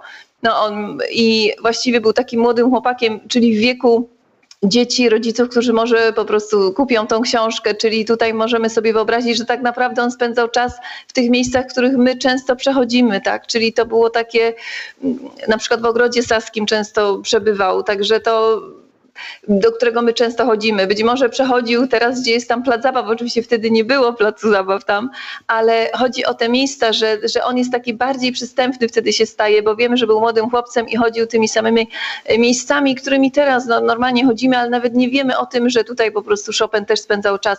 I też to mam takie wtrącenia, że właśnie to jest też ulica Chopina i, i tam jest dużo miejsc z nim związanych. Także dużo jest, mnóstwo jest po prostu ciekawostek y, w, w książce podanych, takich, które niektóre są takie bardzo wzruszające, takie przejmujące, niektóre są y, no, mnie po prostu poruszyły i dlatego postanowiłam y, je opisać. Także tutaj to jest, na pewno to jest interesujące dla każdego, a też dzieci y, mogą łatwiej zapamiętać, ponieważ jakaś niesamowita historia wiąże się z danym budynkiem, tak? Czyli rodzice jak opowiedzą im później o tym, a wyobrażasz sobie, że tutaj przed wojną na przykład coś tam się wydarzyło niesamowitego, albo coś tam, coś tam. Także po prostu Y, wiele jest takich niesamowitych historii opisanych, takich, y, które są związane z danym miejscem, które naprawdę po prostu chwytają za serce.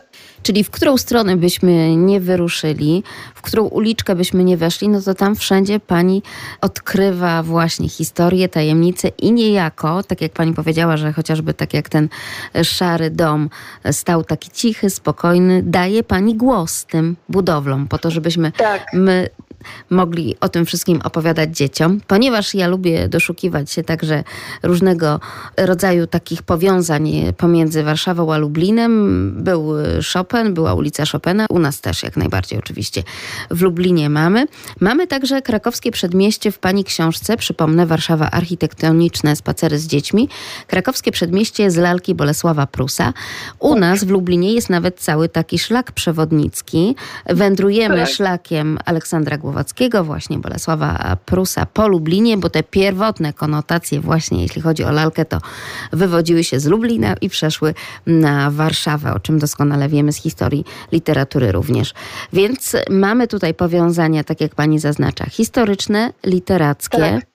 Bo tutaj właśnie z lalką jest o tyle taka historia, że miejsca, które są opisywane w książce, na przykład sklep Rzeckiego albo na którym piętrze mieszkał w kamienicy na krakowskim przedmieściu, to są zaznaczone, w którym miejscu na krakowskim przedmieściu one są i w tym momencie i też jest taki mini szlak Wokulskiego. Mało tego, ja też opisuję odrębny rozdział o hotelu europejskim. To jest taki legendarny hotel y, z XIX wieku, który teraz niedawno został odrestaurowany i też historia niesamowita.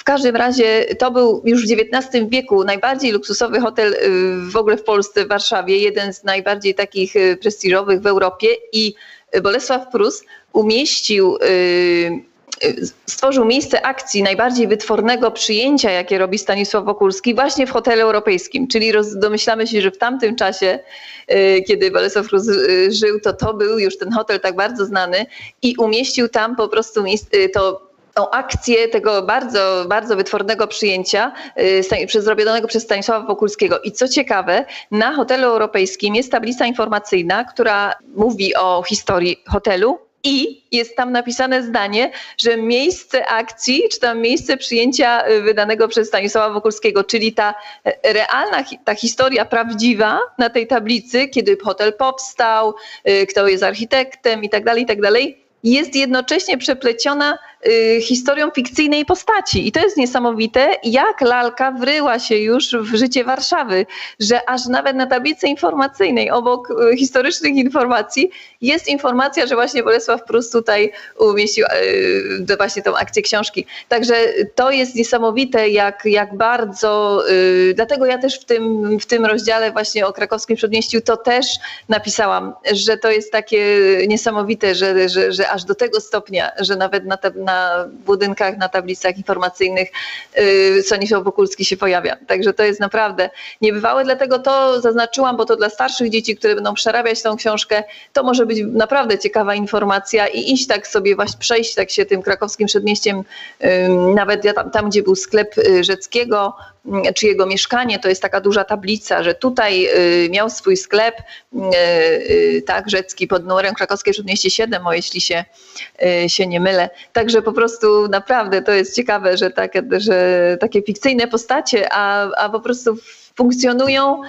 wśród realnych historii, tak? Czyli tutaj obok tablic o historii budynków, czyli to jest, to jest niesamowite, dlatego musiałam też to umieścić jako taką ciekawostkę, szczególnie właśnie dla dzieci, dla młodzieży, gdyby to chciały się tym zainteresować. Także wiele jest takich różnych smaczków, a jednocześnie właśnie niedaleko możemy skręcić i już będzie plac zabaw dla tych maluszków, które jeszcze nic o Wokulskim nie wiedzą, nic nie wiedzą jeszcze nawet o Chopinie, ale mogą skręcić i po prostu się pochuśtać na huśtawce kawałek dalej. Także to też zaznaczyłam, bo wiemy, że rodziny z dziećmi to są w rozmaitym wieku i to naprawdę Chcielibyśmy, żeby, żeby każdy z, z rodziny czuł zadowolenie ze spaceru, tak? Nie, się, dla każdego ja tak wychodzę z założenia, że, że oczywiście, kiedy pracujemy cały tydzień i mamy tylko weekend, żeby gdzieś sobie spędzić fajnie czas, to żeby każdy z tych y, członków rodziny był zadowolony, tak? Czyli dzieci wiadomo lubią się bawić, dzieci lubią biegać, skakać, huśtać się, tak? Dorośli by chcieli trochę pozwiedzać. Starsze dzieci może by chciały po prostu pochodzić, y, też coś pozwiedzać, trochę może też wiadomo się pobawić. I dlatego w książce są zaznaczone y, różne miejsca, w których każdy może znaleźć coś dla siebie. Przede wszystkim to jest oczywiście historia tych miejsc, tak, takie ciekawostki, głównie takie, które naprawdę y, są takie poruszające ale też zawsze w każdym rozdziale są wtrącenia, y, co w okolicy można zrobić z dziećmi, że na przykład tutaj jest mnóstwo lodziarni, albo że y, na przykład gdzieś są trampoliny, na przykład przy, przy, przy wieżowcu Prudential, też legendarnym, najbardziej takim legendarnym y, budynku też Warszawy, który mimo tego, że był ostrzeliwany strasznie i został trafiony dwutonowym pociskiem, to nie zawalił się, miał tak niesamowitą konstrukcję. Teraz niedawno był też odrestaurowany, odnowiony, Także y, i, i tam przy nim mieszczą, jest taki placyk, w którym są na przykład y, w chodniku zamontowane trampoliny niby nic takiego, ale moje córki na przykład uwielbiają tamtędy przechodzić i y, bawić się na tych trampolinach. I w tym momencie możemy patrzeć na tą niesamowitą architekturę tego budynku, podziwiać go i jego całą historię, a jednocześnie nasze dzieci mogą się bawić. Czyli jest to takie połączenie i możemy w tym momencie w czasie takiego spaceru coś przemycić młodszym dzieciom, jakąś historię opowiedzianą w ciekawy sposób, właśnie tą, yy, tą historię tego budynku, że taki ja mojej córką właśnie też zawsze Y, opowiadam, że to taki, taki straszny, najtwardszy z twardych po prostu budynek, który się nie dał powalić i one to, im opowiadam w takim języku właśnie niekiedy y, takim przystępnym, natomiast w książce jest opisana po prostu ta historia tego budynku, y, jaką miał niesamowitą konstrukcję i że ten konstruktor, no to był taki wybitny, wybitny profesor Stefan Bryła, który zaprojektował jego konstrukcję i naprawdę okazała się ona niezwykle wytrzymała. Także to jest też taki budynek legenda powstania warszawskiego i w ogóle wojny, bo on był wielokrotnie, też na początku wojny był też y, w, pożar go strawił, ale nie zawalił się. Także to są takie historie, y, które y, wydaje mi się, że opowiedziane w taki sposób, że nawet gdyby ktoś nie lubił uczyć się historii, to przez te różne takie ciekawe opowieści mógłby chcieć się czegoś dowiedzieć. I dlatego wydaje mi się, ta książka jest dla, dla rodzin, bo rodzice przeczytają nie, i dzieciom może coś opowiedzą. To jest nie, y, książka, wiadomo, że dla, dla wszystkich, bo i dla osób z Warszawy, i dla osób spoza Warszawy, bo wielokrotnie nawet mieszkając w Warszawie nie znamy jakiejś części miasta, tak? Bo tutaj mamy, ja na przykład mam swoje takie ulice ulubione i znam ich taką historię, ale ktoś, kto tutaj nie mieszka na przykład w, w tych okolicach, to nie zna danej uliczki, że ona na przykład jest, też ma taką fascynującą historię. Czyli to jest takie, niektóre miejsca, tak jak powiedziałam, są znane, niektóre mniej znane, ale każde mają fajną historię, ciekawą i, i można tam spędzać czas. Yy, można zrobić też wycieczkę śladami kilku rozdziałów opisanych w książce, tak? Można po prostu, bo one są niedaleko siebie yy, położone, że można z jednego miejsca przejść do drugiego Także ta książka jest naprawdę na, taka, taka w taki przystęp, może być w formie wycieczki rowerowej. Yy, także naprawdę, ja to tak bardziej ze własnego punktu widzenia, a ta architektura to stąd, że mąż jest architektem i zawsze nam dużo opowiada o różnych budynkach i tak siłą rzeczy gdzieś to zawsze utkwiło. I ja też sama się interesuję historią wielu, wielu miejsc. Postanowiłam ubrać to w taką książkę dla całej rodziny. Po prostu takie nasze szlaki, nasze, nasze trasy. I to jest 14 rozdziałów, 14 wycieczek. Oczywiście to nie wyczerpuje całego piękna Warszawy, tylko to są takie miejsca, które być może no, no, jak na taką pierwszą książkę, y, żeby wybór, żeby książka nie była też y, za gruba i, i, i, tylko żeby była taka w sam raz na takie, takie odwiedzenie różnych fajnych miejsc z dziećmi, to jest. No i oczywiście kierowałam się tym, że niedaleko tych miejsc naprawdę jest na przykład jakiś plac zabaw albo można coś robić z dziećmi. Oczywiście pomijam wątek, że można pójść do kina, do muzeum, do, to jest oczywiste, tak, że w danych okolicach możemy iść, ale już chodzi mi nawet o takie mm, zwiedzanie miasta ze spaceru, tak? Nawet jak nie musimy nigdzie wchodzić do środka, to już jaką możemy podziwiać tę architekturę i dzieci jak mogą fajnie spędzać czas i to w mieście, tak? Bo jest naprawdę dużo tych fajnych miejsc dla dzieci. No to tym bardziej zostają spacery tylko i naprawdę z dziećmi można fajne wycieczki, żeby i czegoś się dowiedziały i się pobawiły wymyśleć. Także to jest, ta książka właśnie temu służy. W takim razie bierzemy w dłoń albo do plecaka książkę Agaty Marchwińskiej Warszawa architektoniczne spacery z dziećmi i wyruszamy na ten szlak architektoniczny i o tę architekturę chciałabym panią zapytać. My ludzie dorośli, którzy już mamy bagaż za sobą wiedzy, y, być może często również i wiedzy architektonicznej, ale jeżeli nie, no to chociażby opatrzenia się z różnego rodzaju stylami architektury i pięknem architektonicznym budynków, miast czy próbą doszukiwania się tego piękna, często niestety teraz współcześnie przysłanianego, taką niezbyt, y, powiedziałabym, piękną właśnie architekturą, bardzo często. Tak, poza tym jeszcze y, reklamami różnego rodzaju, które też tak, szpecą. I niestety tak, y, zasłaniają nam to, co chcielibyśmy pokazać również i naszym dzieciom.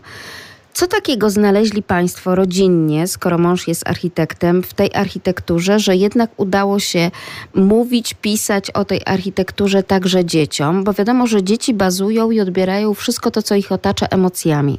Czy Pani zdaniem architektura ma też emocje, niesie w sobie jakieś emocje? Tak, no, no oczywiście możemy. Y, pierwszym takim skojarzeniem to jest dziecko może już nawet małe powiedzieć, czy coś mu się podoba, czy nie. Czy nie potrafi tego wyrazić, że coś ma właściwe proporcje albo że ma y, jakieś piękne ornamenty, tak? Dziecko nie potrafi tego powiedzieć.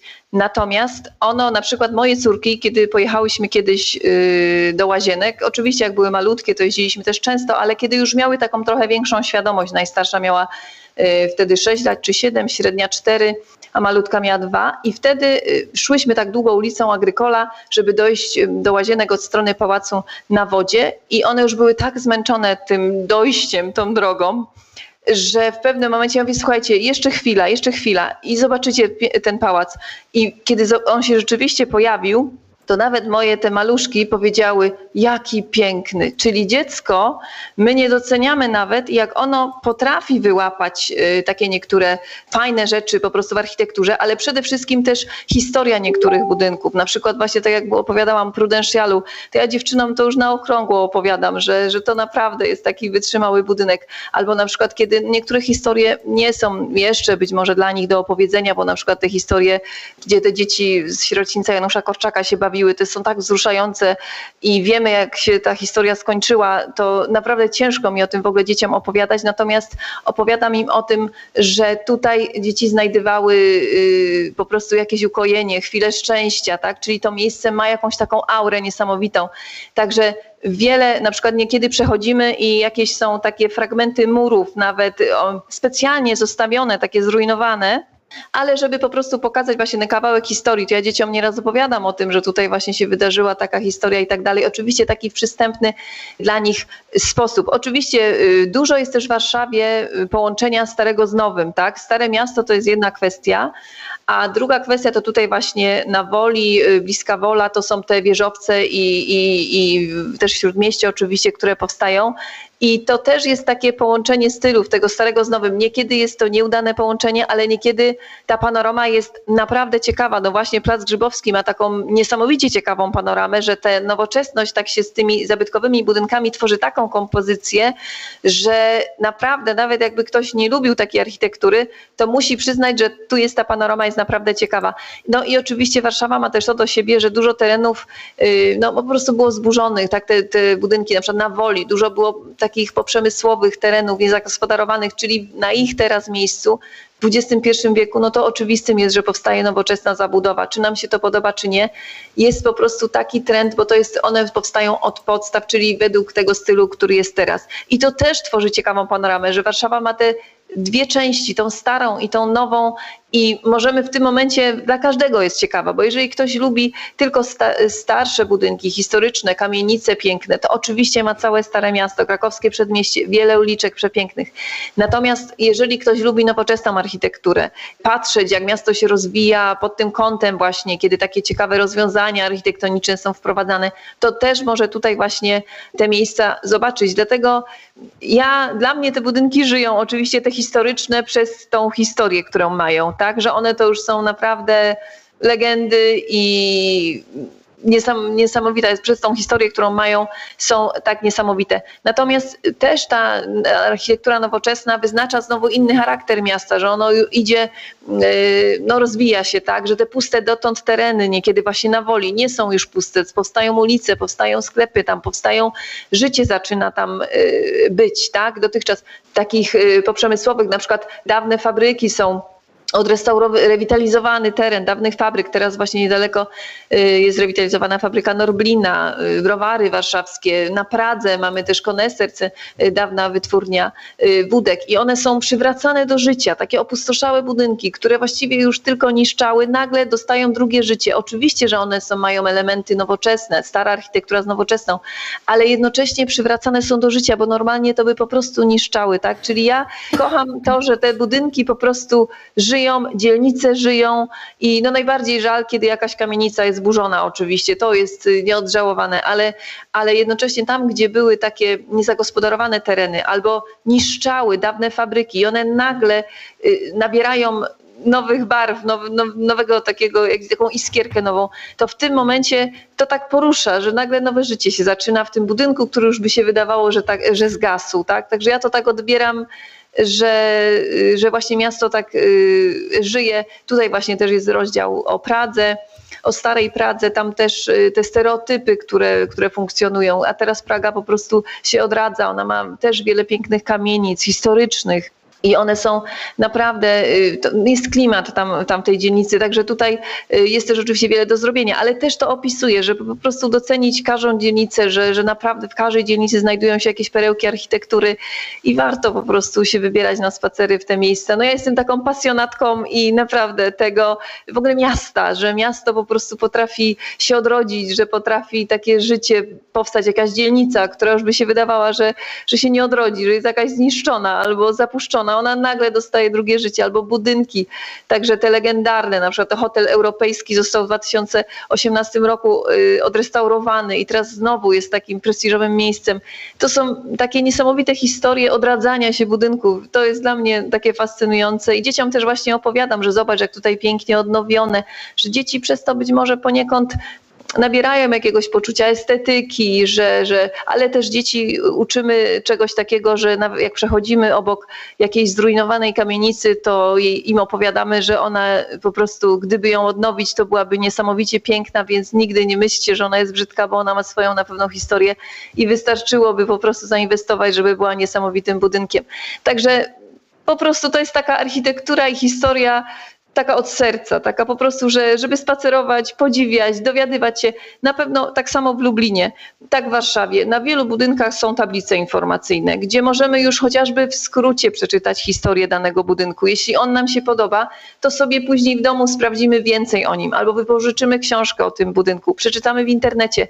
Chodzi o to, żeby po prostu nie przechodzić tak. Yy, bezmyślnie przez miasto, tylko tak patrzeć, że ono, ono po prostu żyje, każdy, każde mury żyją, tak? I żeby dzieci tego uczyć, żeby szanować każdy budynek, że, że, żeby po prostu, no to jest, to jest miasto, tak? I, I szczególnie te historyczne budynki, no to one po prostu są, wiadomo, po prostu powinny być nienaruszalne i, i szanowane, yy, także żeby najmłodsze pokolenie też to zwiedziało, że to jest cała nasza historia. Także przepraszam, jeśli się rozgadałam, ale to jest taki mój konik, że naprawdę mogłabym jeszcze o innych dzielnicach napisać, o innych miejscach, ale książka też ma swoje ramy i nie jestem w stanie napisać o wszystkim, więc dlatego wybrałam 14 rozdziałów, które mi się wydaje tak pokazują Warszawę w taki fajny sposób, żeby i, i właśnie te zabytki i te miejsca takie znane, ale też mniej znane i też architektury nowoczesnej trochę, także żeby ktoś tak pokochał tą Warszawę po prostu i spojrzał innym okiem na to wszystko, co się dzieje, ale też swoje otoczenie właśnie, żeby odkrywać w swoim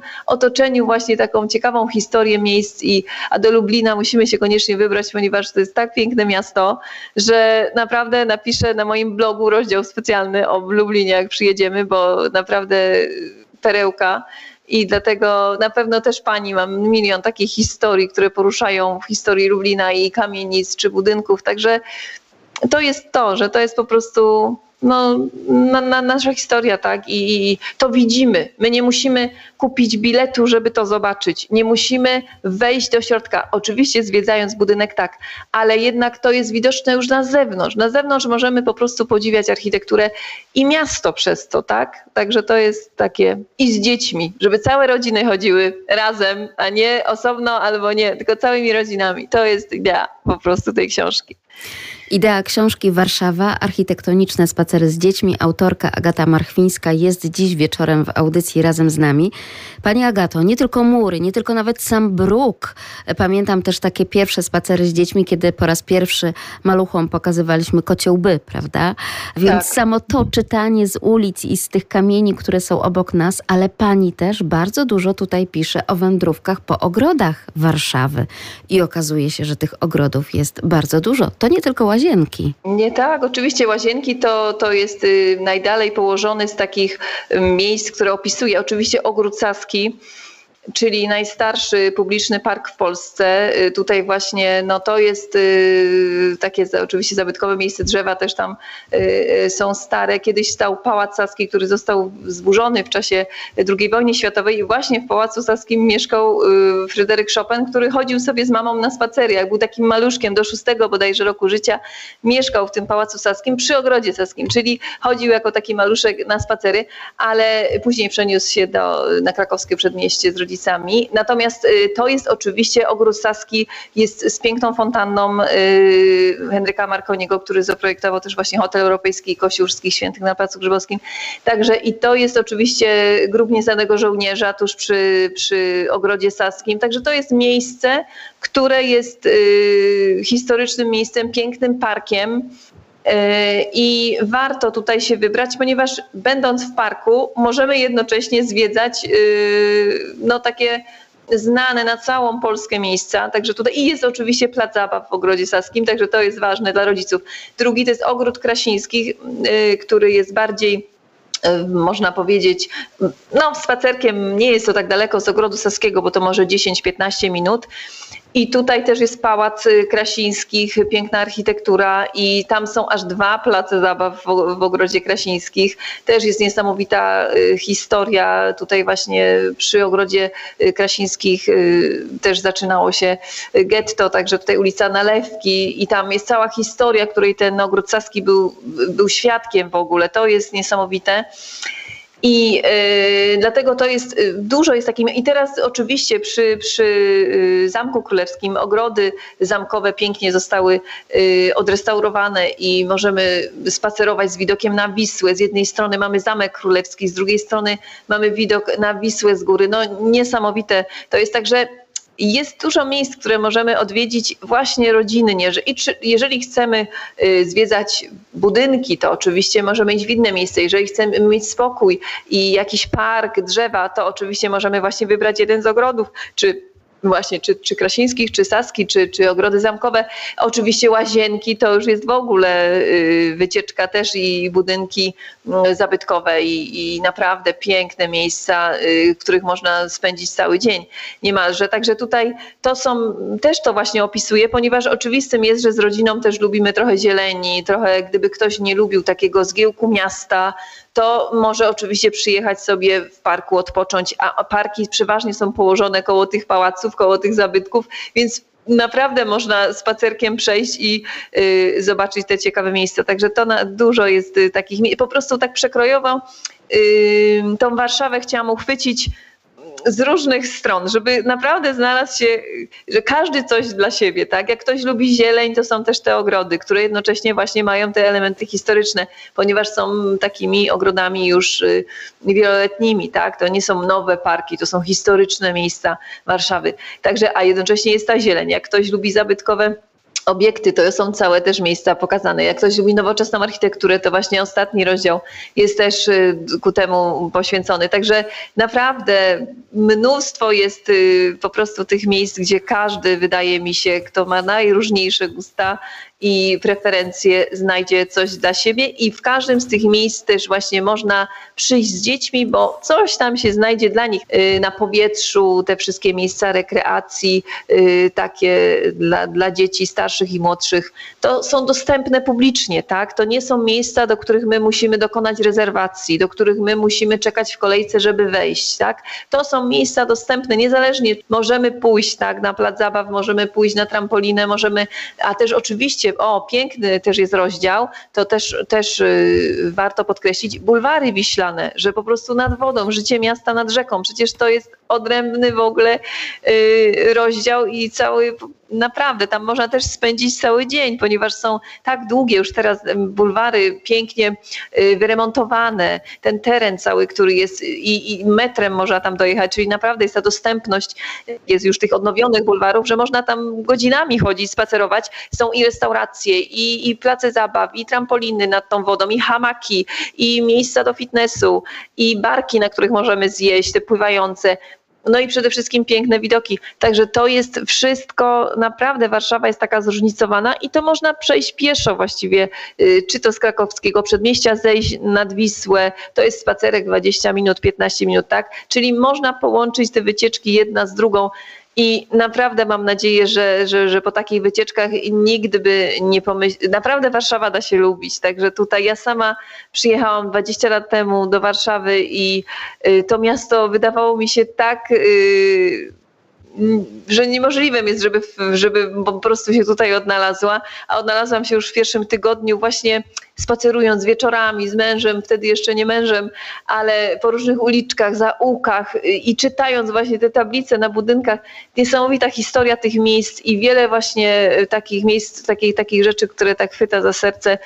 I z, no, z uwagi właśnie na tą tragiczną historię, która, która tutaj dotknęła Warszawę, ale y, też, też jak się podniosło to miasto. Także Naprawdę, to jest, y, polecam i na pewno każdy jeszcze odkryje swoje miejsca. Przecież tutaj ta książka, tak jak powiedziałam, nie wyczerpuje. To są jedynie tylko 14 rozdziałów, 14 propozycji, ale tak przekrojowo pokazanych i, i takich, żeby każdy znalazł coś dla siebie po prostu. A dowodem oczywiście na to, że można spacerować z dziećmi, można spacerować rodzinnie, są nie tylko pani słowa, nie tylko pani słowa dzisiaj wypowiadane w audycji My Rodzice, nie tylko pani słowa zapisane w książce Warszawa architektoniczne spacery z dziećmi, ale także na fotografiach, które są dokumentacją państwa tych spacerów rodzinnych z trójką dzieciaczków. One rosną w, ramach też tutaj no tak. tych spacerów, prawda, i tego, co ich tam Bo to interesuje. są zdjęcia z różnych okresów, tak, tak, tak. Ale tak, oczywiście zdjęcia to w 80, za wyjątkiem mm, hotelu europejskiego i dawnego Prudentialu, czyli obecnego hotelu Warszawa y, wnętrz, to reszta wszystkich zdjęć oczywiście są mojego autorstwa. Y, także tutaj no, starałam się uchwycić te miejsca tak, jak ja je widzę, tak? Czyli może ktoś pójdzie w to miejsce i nagle nie zobaczy tego, ale ja tak je widzę. Chciałam pokazać je od takiej najpiękniejszej strony i y, to, o czym opisuję, żeby było później na zdjęciu, żeby ktoś umiał łatwo, łatwo sobie to y, wyobrazić. Także to no naprawdę, także praca nad tą książką ona nie, nie jest gruba, ani y, jak się ją czyta, to wydaje się napisana takim lekkim językiem, ale tyle po prostu pracy było, żeby to ogarnąć, y, te, tą całą tematykę i zdjęcia, i mapki, żeby narysować i, i tak dalej. Także to książka była, tutaj pragnę podkreślić, konsultowana z historykiem Warszawy, z warszawianistką, także to jest, to nie jest tylko jakieś tam, że tak powiem, moje, y, moja wiedza, która oczywiście ja ją posiadam i, i tutaj czytam wiele rzeczy, ale oczywiście nie mogę y, tutaj y, konkurować z wiedzą warszawianisty, dlatego po, po napisaniu przeze mnie książki ona była skonsultowana z warszawianistką, także to jest sprawdzone merytorycznie, czy to wszystko się zgadza, czy tam nie ma jakichś przekłamań, także książka jest po prostu no, profesjonalnym produktem, że tak powiem, ale jest i dlatego było dużo pracy, tak, żeby wiele rzeczy posprawdzać. Nawet takie opisywałam w danym miejscu, gdzie zawsze chodziliśmy i zawsze w tym miejscu na przykład y, był jakiś plac zabaw albo jakieś miejsce aktywności dla dzieci i nagle ono zostało zamknięte i zlikwidowane. Tak? Także to jest kwestia taka, że na bieżąco żeby to do samego końca, do samego końca prawie, że do wydruku, ja chodziłam w te wszystkie miejsca jeszcze raz, bo często w nich chodzimy, ale sprawdzałam, czy one są otwarte na pewno i żeby można te spacery odbywać, żeby książka nie była y, jakąś fikcją albo wiadomości sprzed 10 lat, tak, żeby się w niej zawarły. Także tutaj są informacje takie przetestowane przez nas rodziców z dziećmi, gdzie chodzimy i gdzie można coś fajnego. Oczywiście, że na pewno może jak powstają teraz, na przykład w tym roku jakieś nowe miejsce powstało, atrakcja jakaś dla dzieci, no to tego już tam na przykład nie ma, tak? Ale wszystko co możliwe w tych miejscach, w okolicach takie, no to, to zwróciłam na to uwagę, żeby, żeby rodzice y, mogli po prostu sobie tak wycieczkę zaplanować, że trochę pozwiedzać, trochę się pobawić i żeby fajny weekend był w Warszawie, czy to dla mieszkańców, czy dla osób z zewnątrz, żeby mieli po prostu fajną wycieczkę i, i, i tak sobie zorganizowali rodzinnie czas, rodzinnie przede wszystkim, także żeby spędzać fajnie e, z dzieciakami i uczyć je przy okazji i, i po prostu razem być, tak? I, I żeby rozkoszować się miastem, ale też parkiem, także zabawą, lodami, wszystkim, co tylko miasto może zaoferować i, i żeby coś wynieść, jakąś wiedzę i przyjemność ze spaceru. A wcześniej oczywiście poczytać. Bardzo pięknie dziękujemy Pani za tę książkę i dziękujemy również za rozmowę. Dobranoc i do usłyszenia. Dziękuję bardzo, dziękuję za zaproszenie do audycji. Do widzenia. Dziękuję, do widzenia. A sprzed mikrofonu kłania się Magdalena Lipiec-Jaremek. Do usłyszenia jak zawsze w każdy wtorek tuż po 22. Spotykamy się w audycji My Rodzice. Dziękuję.